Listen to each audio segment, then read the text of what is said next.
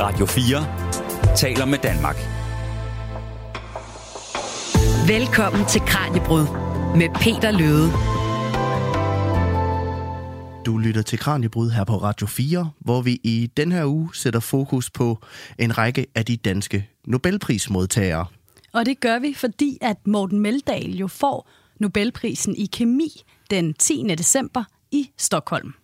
Og i løbet af ugen, der skal vi vidt omkring, kan man vist godt sige. Ja, vi starter med at øh, dykke ned i øh, Nobelprisen i medicin eller fysiologi, hvor vi ser på nogle af de danske modtagere. Og så skal vi også et smut forbi den eneste dansker, der nogensinde har vundet Nobels fredspris, nemlig Frederik Beyer. Og så skal vi også forbi en af de helt store danske forfattere, nemlig Henrik Pontoppidan, der modtog Nobelprisen i litteratur i 1917. Og selvfølgelig så skal vi også runde måske en af de største danske videnskabsmænd, nemlig Niels Bohr, der modtog Nobelprisen i 1922. Og så slutter vi ugen af med et interview med Morten Meldal. Og i løbet af ugen, så vil vi også fortælle historien om Alfred Nobel. Vores kollega Tine Brink Hansen har forberedt hele fortællingen om den svenske dynamitmager, der både skabte og gav navn til, til prisen. Velkommen til Kranjebrud. Om danske Nobelprismodtagere. Du lytter til Radio 4.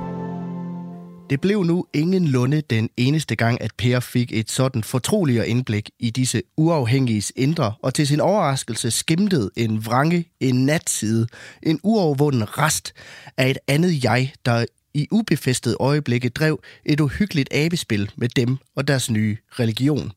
Det er måske ikke ligefrem let læseligt, Henrik Pontoppidans tekster, Stenbæk. Alligevel så har du kastet over at analysere nogle af dem af flere omgange.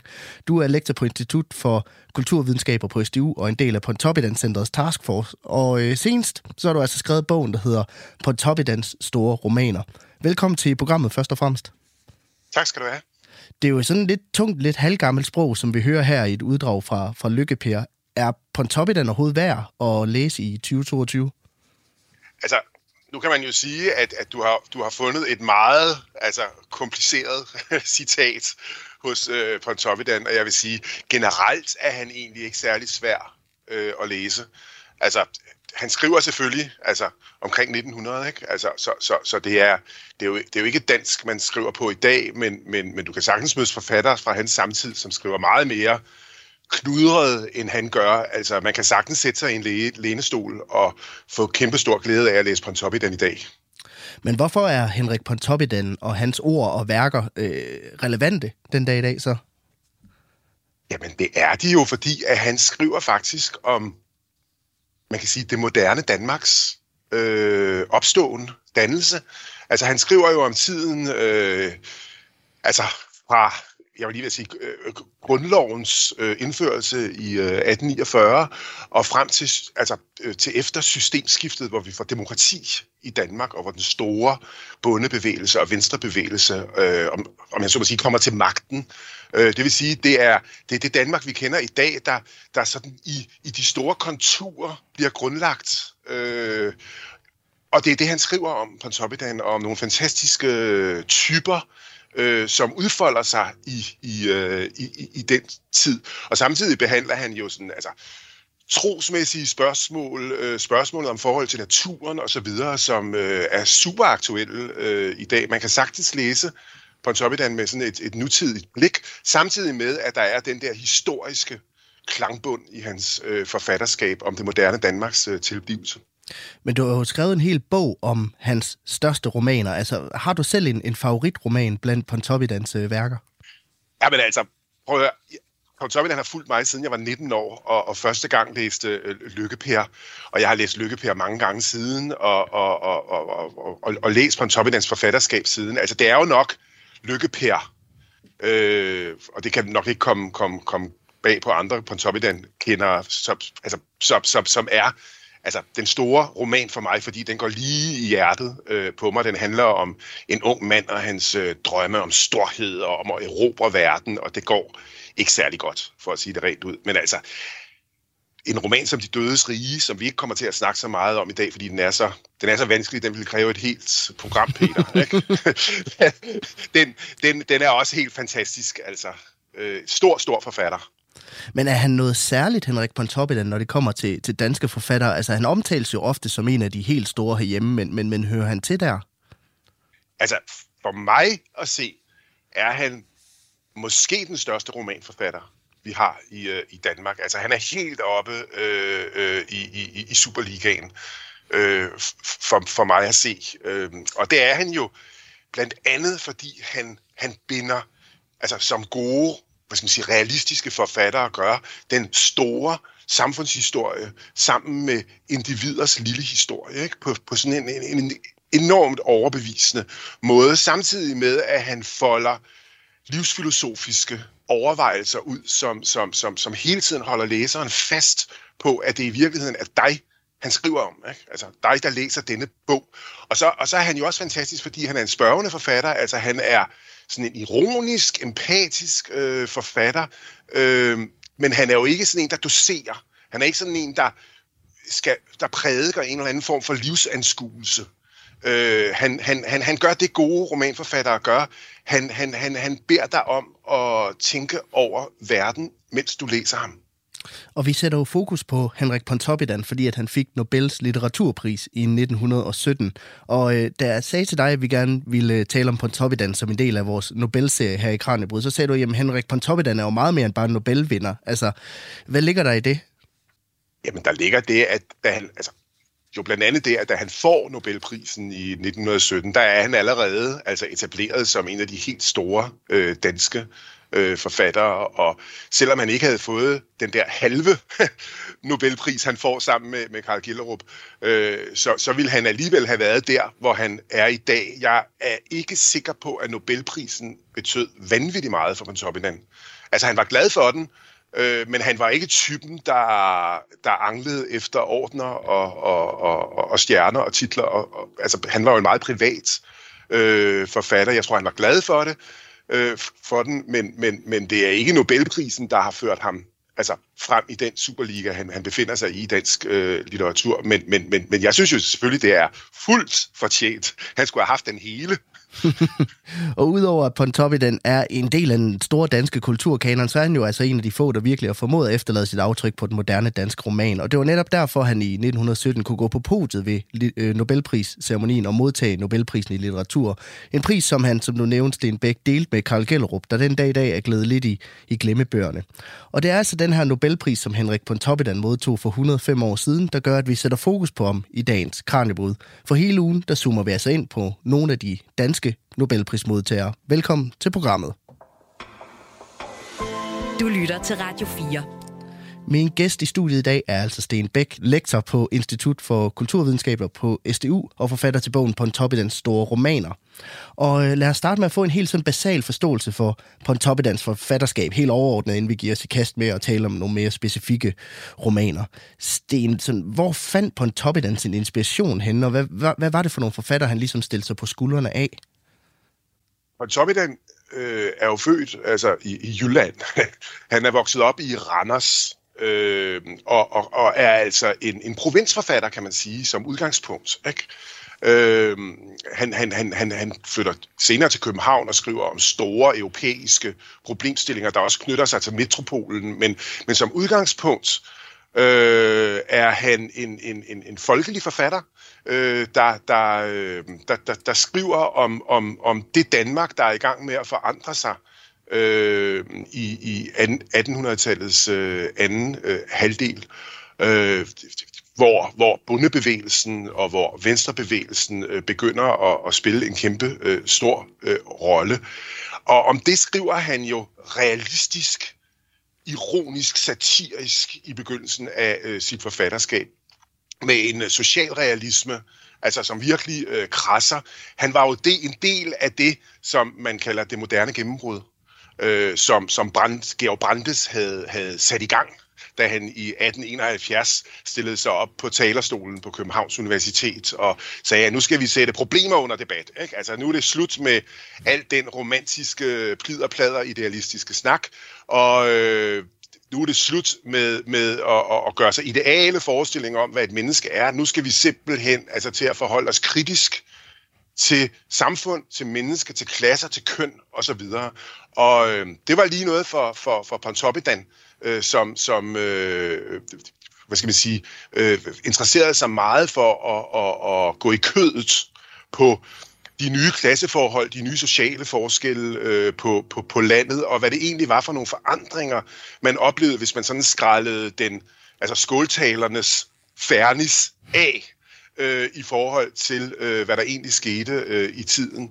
Og på den måde altså, øh, rejser han sig jo på skuldrene af store traditioner i europæisk litteratur. Altså, man, man kunne nævne Honoré de Balzac, i øh, Frankrig, som jo også skrev øh, om, om, om Frankrigs øh, forvandling fra bundesamfund til moderne kapitalistisk samfund og, og storbyens øh, nye øh, bevidsthedsformer.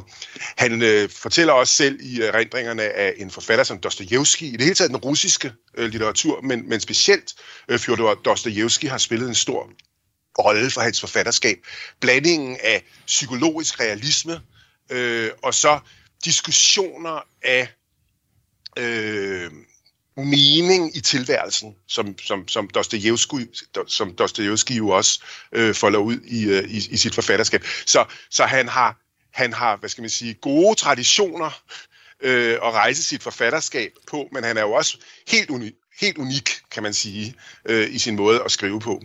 Men kan man tale om, at der er nogle, øh, nogle temaer eller elementer, der så går igen i, i Pontoppidans forfatterskab, hvis man ser på det sådan meget overordnet og, og bredt? Jamen, det er jo sammenbindingen af den store historie, den store samfundshistorie og individers lille historie, hvor han jo altså både, både har fat i daglejere og husmænd, i bønder, i borgere, altså i det politiske Danmark, altså øh, også politiske ledere, øh, som, han, som han integrerer i øh, flere af sine romaner, øh, specielt i den sidste af de store romaner, De Dødes Rige. Øh, det er i hvert fald et, et tema, og det gør han sublimt, fordi for nogle forfattere kan det ofte gå lidt galt, ikke? Altså, at så, så bliver individerne sådan nogle typer, nogle stereotyper på, på tendenser i tiden. Og der er Pontoppidan bare rigtig, rigtig god til at lade dem folde sig ud i alt deres individualitet, samtidig med deres, hvad skal man sige, rødder i den store historie bliver, bliver, bliver, bliver fastholdt. Køn interesserer også øh, Oppenheim øh, rigtig meget, altså forholdet mellem mænd og kvinder, hvor hans hans mænd måske har en tendens til sådan at tænke meget abstrakt om livet og være meget udulige på den nære kærlighedsfronts øh, område. Det er jo noget, vi kender til også i det 20. århundrede. Det er en diskussion om, om, om, om, om, om, øh, om mænd og den maskuline mystik, mens kvinderne hos Pontoppidan ofte, hvad skal man sige, har mere kærlighed at give, men de er jo ligesom fastlåst i nogle roller og, og, og i nogle livssammenhænge, som gør, at de ikke rigtig kan folde sig ud. Så hans kvinder lider ofte, altså det gør mange af hans personer for nu at altså, tage den gode stemning væk fra samtalen her. De lider jo sådan en, en tragisk skæbne. Altså, der, der, der er mange mennesker, der dør i øh, Pontoppidans øh, forfatterskab uforløst, kan man sige. Ikke? Så, så han er jo ikke nogen hvad skal man sige, opbyggelig forfatter øh, på den måde. Han beder os om at finde ud af, hvad, hvad, hvad det så er, der sker, når for eksempel øh, kønnene øh, går galt af, af, af hinanden, og ægteskaber øh, krak, krakelerer. Og så har han også, for det tredje, altså jeg vil nævne, det er, det er øh, hans, hans natursyn, hans forestilling om det indre menneske. Altså, hvordan kan man efter kristendommen, som jo i mange århundreder havde givet, hvad skal man sige, rammen omkring forståelsen af livet, og som Pontoppidan jo på mange måder bryder med, hvordan kan man som moderne menneske udvikle en, øh, et forhold til, til, til naturen, i forhold til kosmos, som han jo aldrig giver op efter kristendommen. Så, så på den måde er der også en, en metafysik hos Pontoppidan, som dog er sådan smukt underspillet. Altså, han, han, han buller ikke ud i sådan store øh, øh, øh hvad skal man sige, grundlæggelser af livssyn, men, men, det helt, men det følger ham hele tiden altså i forfatterskabet, og det kan jeg utrolig godt lide hos ham. Og øh, nu talte vi om før, at han er meget mere end bare en, en Nobelpris-vinder, øh, vinder, men i øh, 1917, der vinder han jo som en af bare tre danske forfattere Nobelprisen i litteratur. Altså, hvad er det, der taler for, at han vinder den her pris? det, det, det er en meget, meget øh, intrigant affære, kan man sige, historien om den der Nobelpris, når man sådan graver sig ned i det. Ikke? Altså mange havde jo, havde jo ønsket, at Georg Brandes havde fået den der pris, men det var slet ikke øh, på tale for, for Nobeludvalget. Altså, Nobel havde jo skrevet, at, at det skulle være en, der sådan var idealistisk. Altså, det skulle være forfattere, der, var, der havde sådan et idealistisk syn, et, et opbyggeligt idealistisk øh, syn. Og Georg Brandes, han var jo den, der så at sige, undermineret idealisme, øh, og, og, og bad os om at sætte øh, problemer til debat. Øh, og Pontoppidan havde måske lidt af den der brandianske, eller meget af den der brandianske øh, ånd over sig. Så måske var han et substitut for den Brandes, der ikke fik prisen. Øh, og han fik den jo heller ikke helt, fordi han var ikke lige det, tror jeg, som øh, Nobelkomiteen øh, øh gik efter. Det var Karl Kjellerup til gengæld. Ikke? Altså, han, han var ikke nogen stor, han var allerede altså, på vej mm. ud i dansk litteratur, da han får øh, øh, no, no, Nobelprisen. Men han var sådan en, netop sådan en, en livsanskuelsesforfatter, som diskuterer, hvilke, hvilke øh, øh, øh hvad, hvad kan give et liv mening livsanskuelsesmæssigt, og han flirtede med buddhismen og med, med, med, med, med, med gammel, gammel nordisk øh, og så videre øh, tænkning i, i sit forsøg. Jeg skal ikke tale Karl Gellerup mm. ned, men han var nok tættere på, på det, der var ideen om den idealistiske forfatter. Øh, så, så det har også meget at gøre med politik, at, at, at Pontoppidan får den her, øh, den her øh, pris. Og øh, noget, altså den beskrivelse, som Nobelkomiteen bruger, det er, at, at Pontoppidan han får prisen for sine beskrivelser af hverdagslivet i Danmark. Altså, er det overhovedet dækkende for det Pontoppidan han, øh, han laver? Nej, det kan jeg svare kort på. Øh, men, men, men det hænger sikkert også sammen med, at hvis man var gået tættere på en beskrivelse af Pontoppidan, så, så, så, så, så ville man være kommet i clinch med, med det, der ligesom var den bærende ideologi i øh, Nobelkomiteen. Men, det er jo, men det er jo rigtigt nok, han beskriver livet i Danmark. Han beskriver også hverdagslivet i Danmark, men han gør så meget mere. Han er jo en meget mere filosofisk øh, forfatter, og han er en meget mere øh, kritisk øh, forfatter, så, så jeg synes ikke, det er dækkende, men altså, det er vel en karakteristik, man kan leve med. og i, lø- i løbet af programmet, så skal vi dykke ned i tre værker, som du mener bedst repræsenterer Pontoppidans forfatterskab. Det er den, der hedder Fra hytterne, så er det Det forjættede land og Lykkepære. Hvorfor det er de tre, som du har valgt at, fremhæve i dag, Sten? De tre, de tre øh, tekster, altså novellesamlingen og de to romaner, øh, skitserer egentlig øh, meget godt sådan en udvikling i Pontoppidans forfatterskab, hvordan han ligesom øh, dynamisk øh, rykker sig fra øh, bundebeskrivelser øh, og, altså, øh, over, hvad skal man sige, øh, den intellektuelles møde med bundelandet, altså i det forjættede land, til Lykkepær, som jo er en forrygende historie om øh, et menneske, der tager skeen i den helt anden hånd, fordi man kan sige, at både fra hytterne og i det forjættede land handler jo om et, et sådan kristent øh, øh bunde, bundelandskab, hvor, hvor, hvor Lykkepær handler simpelthen om, om, om en ung mand, der vil udrydde kristendommen. Altså øh, ved at ændre infrastrukturen i Danmark som ingeniør, og simpelthen øh, underminere øh, det, han opfatter som en slave-moral og en slave-religions øh, indflydelse på det danske sind. Så Per, han træder frem som et, et, et moderne menneske.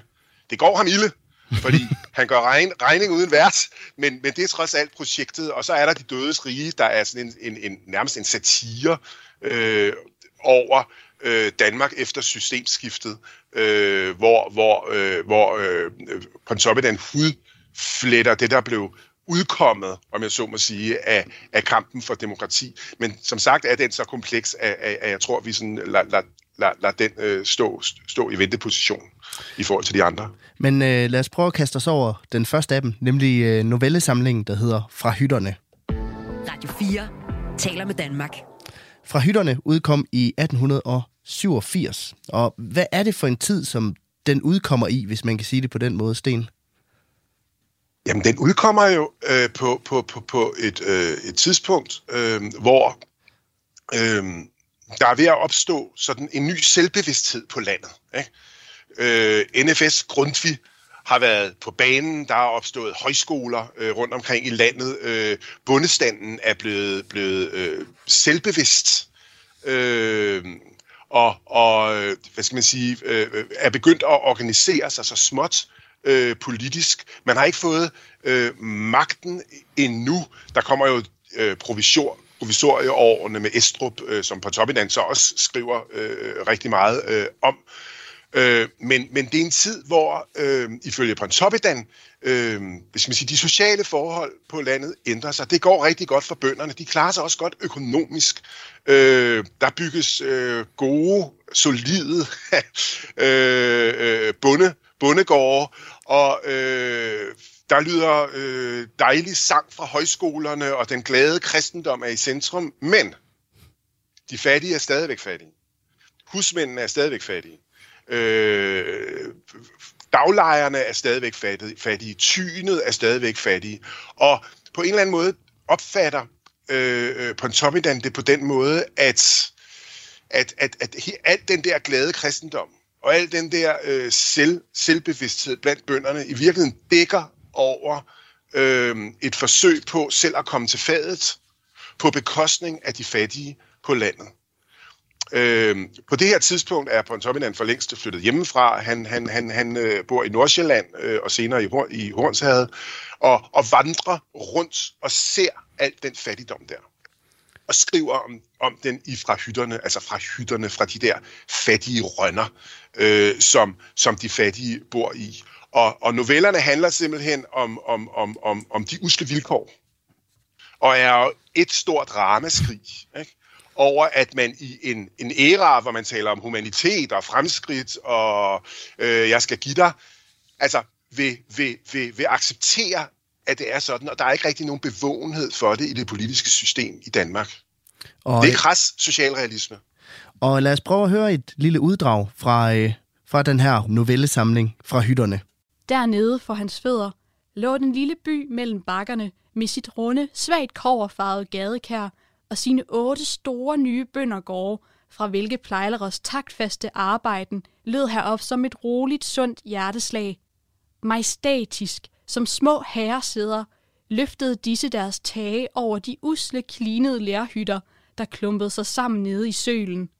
Hist og her kom en træt arbejder slendrende ud af en port med madkassen i en snor over skulderen og drev bort over markerne, eller dukkede ind i et af de små, mørke, fugtige rum, hvor disse arme folk sidder ved deres kartoffelmad og brændevin, båret af værk, gnavet af utøj, frygtsom ventende den dag i alderdommen, da bunden kaster dem ud af deres huler, og boende tager dem i sin nåderige varetægt. Og langsomt og eftertænksomt gentog han for sig selv. Frihedens, fremskridtets, humanitetens århundrede. Hvorfor var det lige det uddrag, som du mente, vi skulle høre her i dag, øh, Sten? Vi har jo det hele i det her øh, uddrag. Vi har øh, hvad skal jeg sige, øh, forskellen på bøndernes øh, lækre liv i deres øh, fine huse, og så de der mennesker, der bor i rønner og, øh, og, og, og, og huler. Øh, og, og, og vi har også altså øh, en, en, en, en, en, en overvejelse, fordi den her, øh, det her uddrag kommer fra en novelle, der hedder Vandreren eller en vandringsmand, hvor en, en, en, en, en, øh, en ung mand, der kommer fra byen og vandrer omkring, det kunne, jeg vil lige sige, det kunne være på toppen af hans selv, øh, og som har helt andre opvækstvilkår end de her fattige mennesker, øh, stifter bekendtskab med al den her fattigdom. Han møder sådan en, en, en, en, en, en gammel dame, der ligger inde i en rønne, og det er bare så uselt, som det kan blive, og rotterne fyrer rundt, og så videre. Øh, men hun vil have lov til at være der, fordi alternativet er at komme på kassen, det er på, på fattighuset, ikke? Og det er endnu værre og endnu mere ydmyget. Hun har trods alt sin stolthed, ikke? Øh, de rige på landet er lidt ligeglade, ikke? Altså sådan nogen mm. skal bare pakkes væk.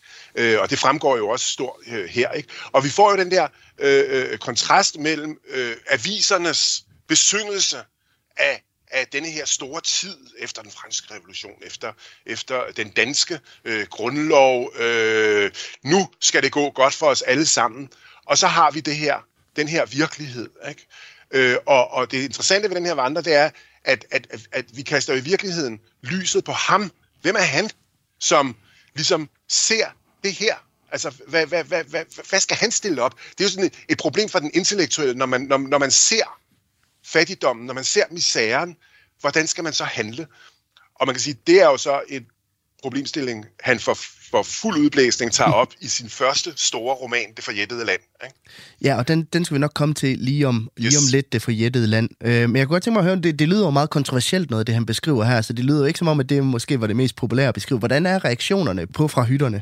Jamen altså, øh, Pontoppidan, eller Pontoppidan var jo ikke ene om at, at tematisere sådan nogle, øh, nogle, nogle forhold. Det var der sådan set også andre forfattere, øh, der gjorde. Og som jeg har været inde på, så var han jo en del af det moderne gennembrud. Og altså Brandesbrødrene, Georg Brandes og Edvard Brandes, som jo var en, en, en stor mand øh, øh, øh, som, som redaktør af, af, af politikken, som blev de radikales øh, øh, hoforgan, de kunne jo godt lide ham. Altså han, han, han, han var måske den forfatter på det tidspunkt, som var aller tættest på Brandes øh, program. Så de radikale kunne godt lide ham. Altså de konservative, øh, øh, højre, altså som det hed på det tidspunkt, mm. før det blev til det konservative folkeparti, øh, altså højrefolkene, de havde ham jo. Ikke? Altså, han, han underminerede jo øh, øh, forestillingen om, om, om, om, om, om, om Danmark, og han, han, han, han havde slet ikke styr på, altså hvor meget dannede mennesker egentlig gjorde for fattige mennesker, og bla bla bla.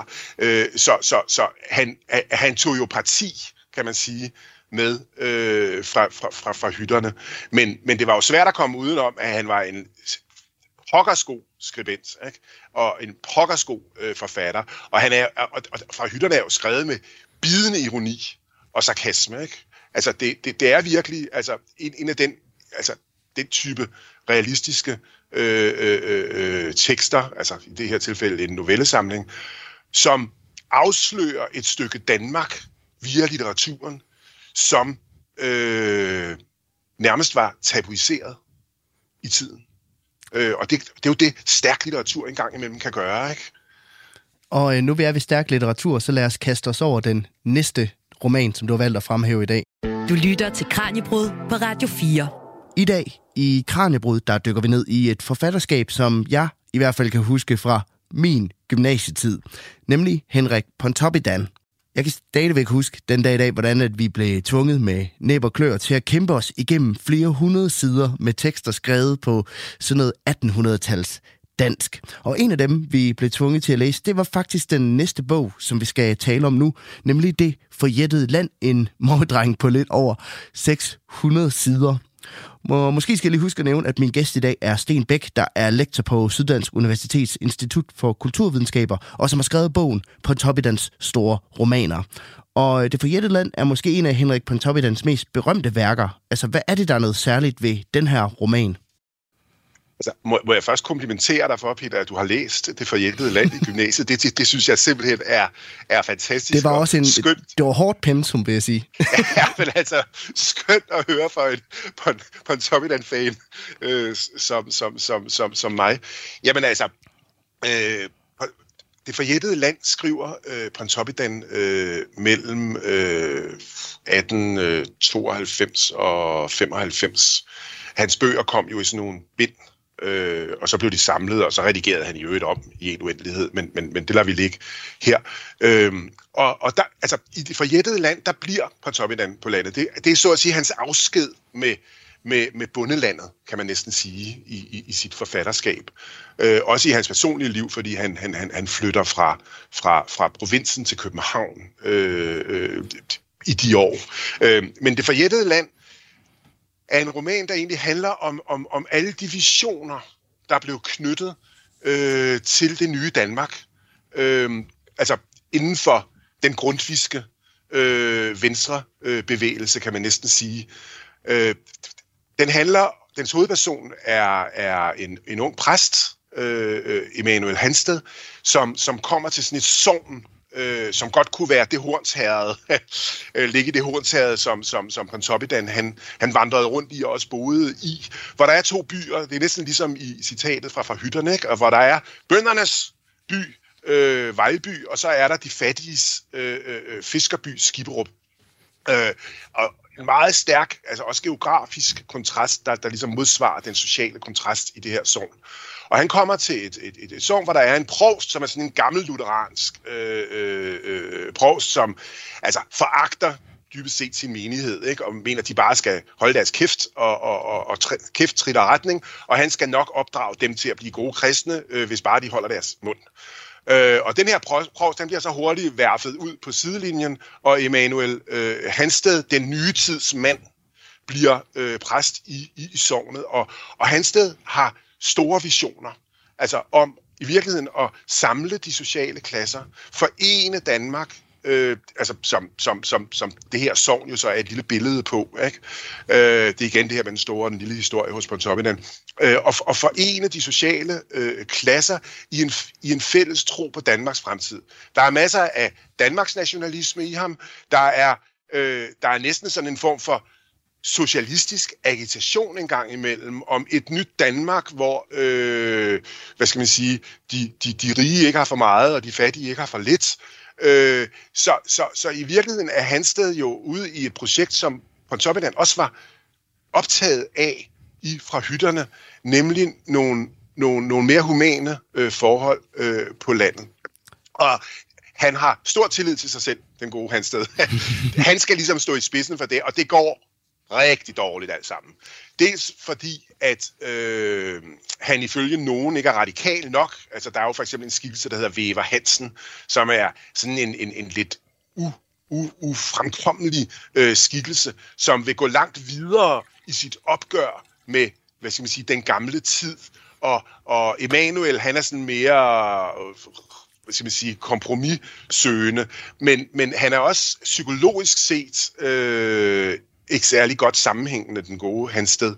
Han, øh, han kæmper med et kæmpe, en kæmpe selvovervurdering. Han, frem, altså, han, han, han, han udvikler jo nærmest et, et, et, et kristuskompleks, ikke? Altså, hvor, hvor han frem, forestiller sig selv som, som, som den, der ligesom skal, skal redde hele verden. Øh, og han bokser meget med kvinderne, ikke? Altså, han gifter sig med Hansine, som sådan er en lidt tavs øh, kvinde, som prøver at holde fast i sig selv og sin egen husmandsbaggrund, øh, men er i virkeligheden enormt optaget af, af præstedatteren, eller provstedatteren øh, øh, øh Ravnhild, som, er, som kasser den, salonflirten og så videre. Ikke? Så han, han har ligesom noget inde i sig, som, som, som strider imod det her øh, projekt, og, og han ender jo med at blive bindegal, altså, øh, øh, og, og, og, og i virkeligheden altså udvikle sådan en, en, en, en, en munkeagtig eremit-attitude, hvor han altså ligesom Jesus nærmest vil lade sig korsfeste for menneskenes øh, skyld, og så dør han altså i, i, i sindssyge.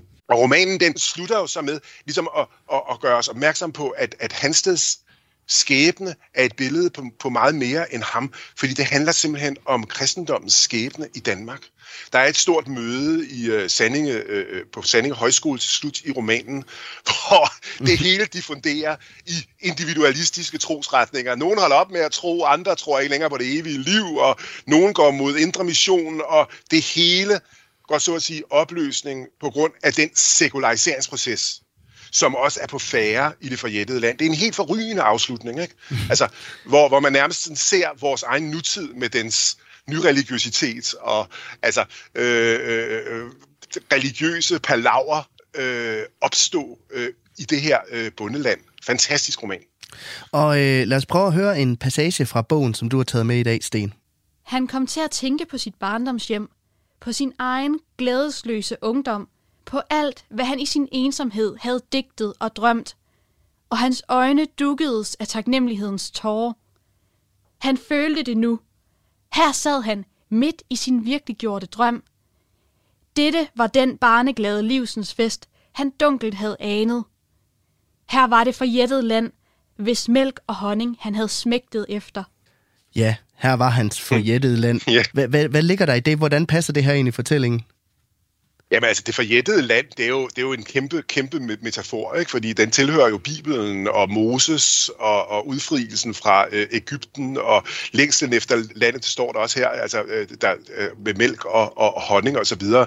Altså, det er jo ideen om, om, om, om det, det, det er jo en stærk utopi om menneskehedens forløsning, ikke? som jo ofte bærer politiske ideologier, som så kommer til kort over for tilværelsens reelle modsætninger. Og det samme er jo tilfældet med, med, med, med øh, Emanuel. Man, kan også, man skal også være opmærksom på, på, på noget andet. Det her, det beskrivelsen af hans barndom i København. Ikke? Altså, han kommer jo fra en velhaverfamilie. Ikke? Altså, hans far er embedsmand, og han kommer fra en embedsborgerlig øh, slægt. Og det han, det han altså hans forskning om folket og om landet, kan man jo nærmest betragte som en stor projektion. Altså projektion af drømme om det andet, som han faktisk ikke ved noget om. Og det er jo ofte revolutionære øh, tænkeres og politikers store problem, at de vil gerne redde folket, men hvor godt kender de folket, ikke? Så, så altså, jeg kommer også til at tænke på, på, på, på, på, på politikere i, i, i det 20. århundrede, ikke? Altså, øh, altså det, det er også mere generelt et, et, et billede af denne her utopiker, øh, som vil udfri menneskeheden, men som ved for lidt om menneskene. Og det kommer jo også til udtryk i hans forhold til hans sine. Han aner ikke noget om sin kone. Han, han kan simpelthen ikke trænge igennem i forhold til, hvem øh, hun er. Og, og det opdager hun i løbet af ægteskabet og løber skrigende bort. Du lytter til Kranjebrud på Radio 4. Og lad os tage en lille pause fra at tale om Henrik Pontoppidan. Vi skal nok vende tilbage til den sidste bog, du har valgt at fremhæve i dag, Sten, lige om lidt. Men programmet her er jo en del af en større serie om de danske Nobelprismodtagere. Og i mandags hørte vi om nogle af de danske Nobelvindere i medicins verden, og i går der var det fredsprisen og modtageren øh, Frederik Beyer, der var i fokus. Men i dag der er det altså Henrik Pontoppidan, som vi kigger nærmere på, der vandt Nobelprisen i litteratur i 1917. Men som en del af vores programserie om de danske Nobelprismodtagere, så har vi altså også en løbende følgetong om manden bag prisen, nemlig Alfred Nobel. Og nu vil jeg altså komme til det tredje kapitel i fortællingen om den svenske kemiker og ingeniør. I denne uges Kranjebrød taler vi om de fem Nobelpriser og tidligere vinder af priserne. Men for at forstå, hvordan Nobelpriserne overhovedet blev til, må vi dykke ned i historien om svenskeren Alfred Nobels fantastiske liv. I gårsdagens udsendelse hørte vi om, hvordan Alfred Nobel fik titlen Dynamitkongen. Nu tager vi et dybere kig ind i Alfred Nobels privatliv. I 1887 skriver Alfred Nobel en kort selvbiografisk note til sin ældre bror Ludvig. Broren havde sat sig for at kortlægge slægten Nobel og plagede Alfred om et selvbiografisk bidrag – Alfred svarede ham med følgende. Alfred Nobel, ynkværdig skabning, som burde have været kval af en menneskekærlig læge, da han gjorde sin hylende entré ind i dette liv. Største dyder, at holde sine negle rene og aldrig være en byrde for nogen. Største svagheder, hverken at have kone eller børn, et lyst sind eller en sund appetit. Største ønske, ikke at blive begravet levende. Vigtige begivenheder i hans liv. Ingen. På dette tidspunkt havde den 54-årige Alfred Nobel opbygget et kæmpe europæisk industriimperium, var en anerkendt videnskabsmand, indehaver af over 300 patenter og en af Europas rigeste mænd. Alligevel levede han et ensomt pendlerliv mellem Europas hovedsteder – Alfred forstod betydningen af at placere sig steder i verden, hvor han kunne indhente nye indsigter og indarbejde dem i sit arbejde. Derfor bosatte Alfred sig en årrække i Paris. Paris var dengang knudepunkt i Europa. Under sin tid i Paris mødte han to kvinder, der kom til at præge hans liv. Bertha von Suttner, der kortvarigt var hans sekretær, opretholdte han korrespondancen med i mange år indtil sin død. Bertha var pacifist og kvindesagsforkæmper – og nogle rygter lyder, at hun var inspirationen bag Nobels fredsprisen. I deres breve udvekslede de i hvert fald filosofiske tanker om verdensfred. Navnet på den anden kvinde var Sofie Hess, som han mødte under et kurophold i 1875. Sofie var 18 år yngre end Alfred, og forholdet bølgede op og ned indtil hans død. Udover at skrive korrespondencer med damer rundt i verden, så brugte Alfred Nobel også meget tid på at skrive digte, skuespil og romaner – Poesien var en afledning i hans mere depressive perioder. Alfred fortsætter med at udvikle sprængstoffer og våbenproduktion, hvilket gjorde ham upopulær i offentligheden i Frankrig. Efter hans fabrik bliver tvangslukket, flytter han til Italien, hvor han dør i 1896, den 10. december. Datoen, som vi i dag uddeler Nobelpriserne på. Men hvorfor begyndte man at uddele Nobelpriser – og hvorfor valgte dynamitkongen, at der skulle være en fredspris? Det finder vi ud af i morgen, når jeg vender tilbage med fjerde del af serien om Alfred Nobels fantastiske liv. Du lytter til Radio 4 den sidste af Pontoppidans værker, som vi kaster os over i Kranjebrud i dag, den øh, blev faktisk filmatiseret for ganske nyligt, for i 2018, der udgav Bille August altså filmversionen af Lykkepær. Så måske er det det Pontoppidan-værk, der ligger friskest i rendringen hos mange derude. Sten Bæk, øh, lektor på Institut for Kulturvidenskaber på Syddansk Universitet, er min gæst i programmet i dag. Øh, man kan vel næsten ikke tale om Pontoppidan uden at tale om Lykkepær, Sten? Det kan man ikke. Det er, han, det er hans øh, utvivlsomt øh, mest øh, berømte øh, værk. Øhm, og, og, og, og også af gode grunde, ikke? Altså, øh, fordi det er, det er en fantastisk øh, roman, der, som jeg sagde tidligere, er gået dybt i hjertet på mange, mange unge øh, mennesker, øh, der, der, der har læst det. Og, og jeg tror også, at, at Billa Augusts øh, filmatisering, som du også selv siger, øh, har været med til at give, give, det, øh, give, den, give Lykkepær en et opblomstring. Så det, det, er jo, det, er jo, det, er jo, det er jo meget rimeligt, at vi, at vi, at vi skal have den med. Og øh, Lykkepære, den udkommer jo omkring århundredeskiftet, omkring år 1900, sådan i flere dele. Men der er jo en anden Lykkepære, nemlig den, som H.C. Andersen udgav i 1870. Faktisk så er det hans sidste fortælling.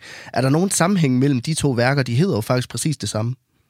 Jamen altså, sammenhængen er jo, kunne jo være interessant øh, at, at snakke lang tid, tid, tid om, fordi altså H.C. Andersens Lykkepær handler jo om en, en, en, en, en øh, kunstner, der kommer fra, fra beskedende kår, øh, dør tidligt, men som lykkes med sin kunst og dør på toppen af sin karriere.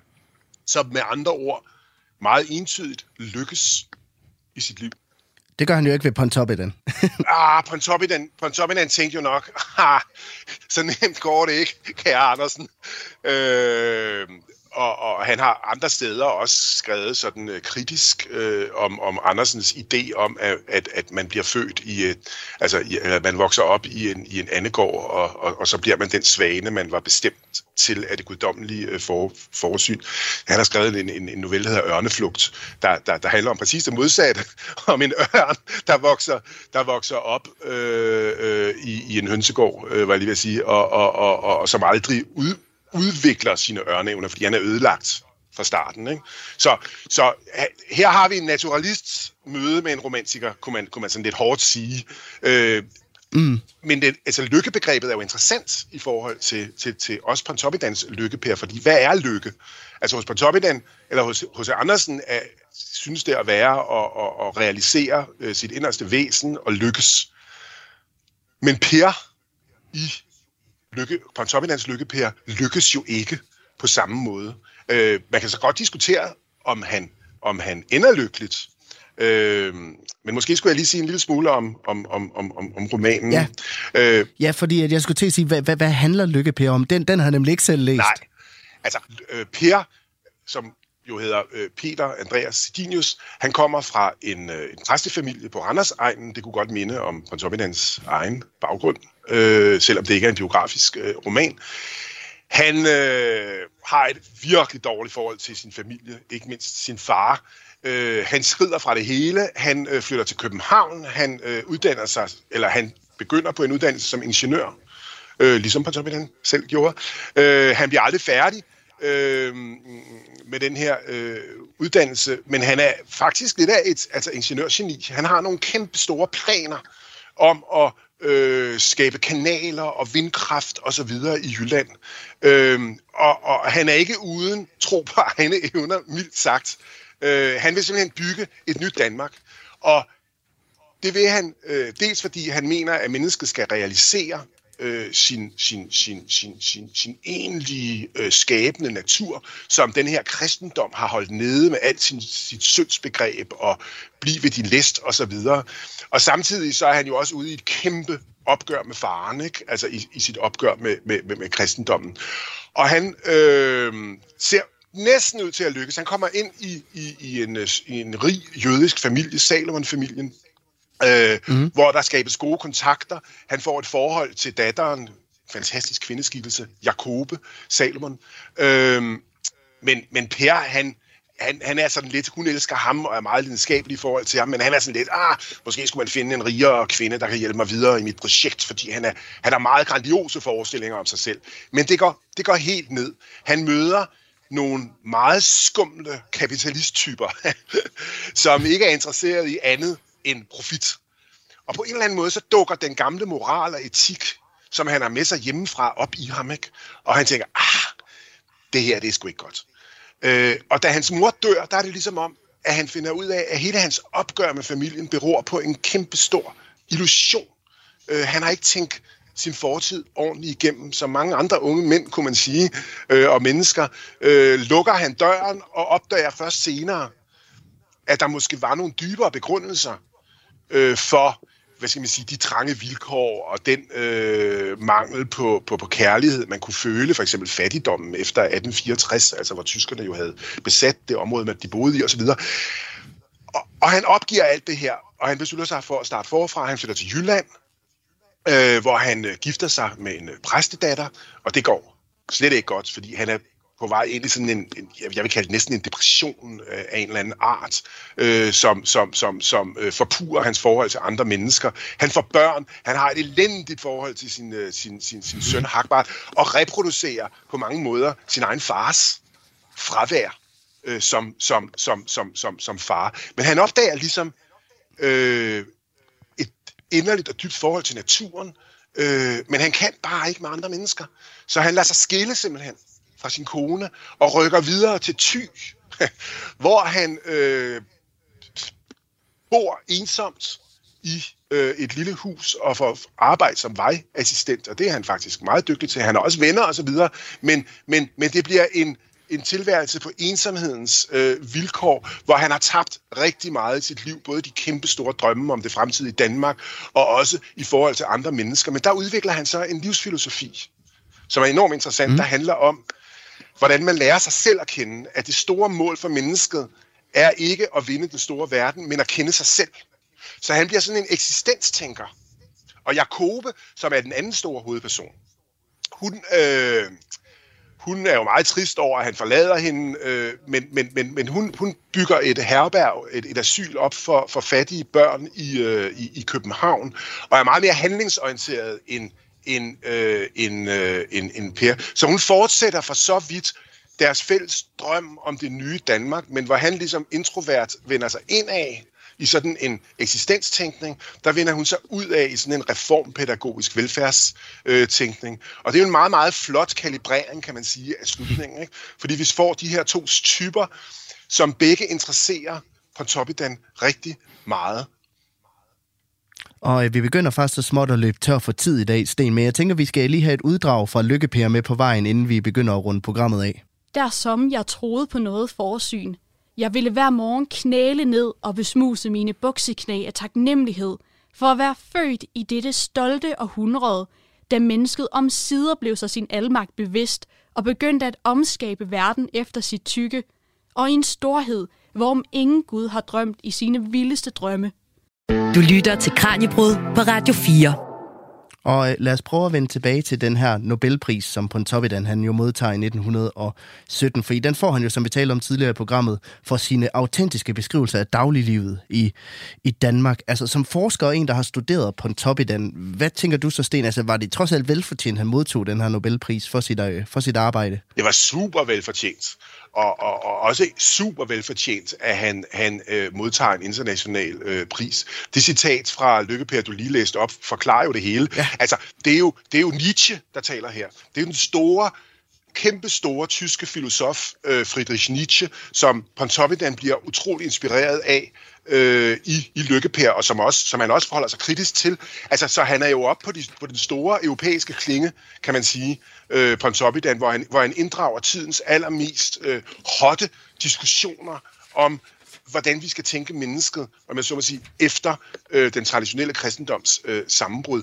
Og, og det gør han jo altså på, på fantastisk øh, vis, øh, også litterært. Øh, og i den forstand er han jo en europæisk øh, forfatter, og i den forstand har han jo fortjent den her pris, fordi han er virkelig samtidig på, på, på omgangshøjde med sin samtids øh, vigtigste øh, diskussioner, som han omsætter til stor litteratur. Og øh, det blev alt, hvad vi nåede i dagens program af Kranjebrud Stenbæk, lektor på Institut for Kulturvidenskaber på Syddansk Universitet og en del af Pontoppidan Centerets Taskforce. Tusind tak, fordi du har lyst til at medvirke i dag og sætte os ind i Pontoppidans forfatterskab. Det var en fornøjelse. Din bog, Pontoppidans store romaner, den er udgivet ved Upress tilbage i foråret, og hvis man vil lære mere om Pontoppidans forunderlige verden, så kan man altså købe den i de fleste boghandlere.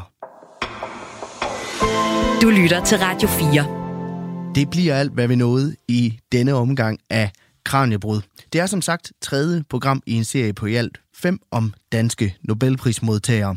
Så i morgen kan du se frem til endnu et program i serien. Det handler om den danske fysiker Niels Bohr og hans søn Ove Bohr, der begge to vandt en Nobelpris for deres arbejde med atomet. På fredag, der runder vi så serien af med faktisk at få besøg af Morten Meldal, der jo på lørdag modtager Nobelprisen i kemi ved en ceremoni i Norge. Hvis du vil høre de tidligere programmer i serien, så kan du finde dem sammen med alle de andre tidligere udsendelser af Kranjebrud som podcast i Radio 4's app, der kan hentes på Google Play og på App Store. Programmet er produceret af Videnslyd for Radio 4. Tusind tak for i dag.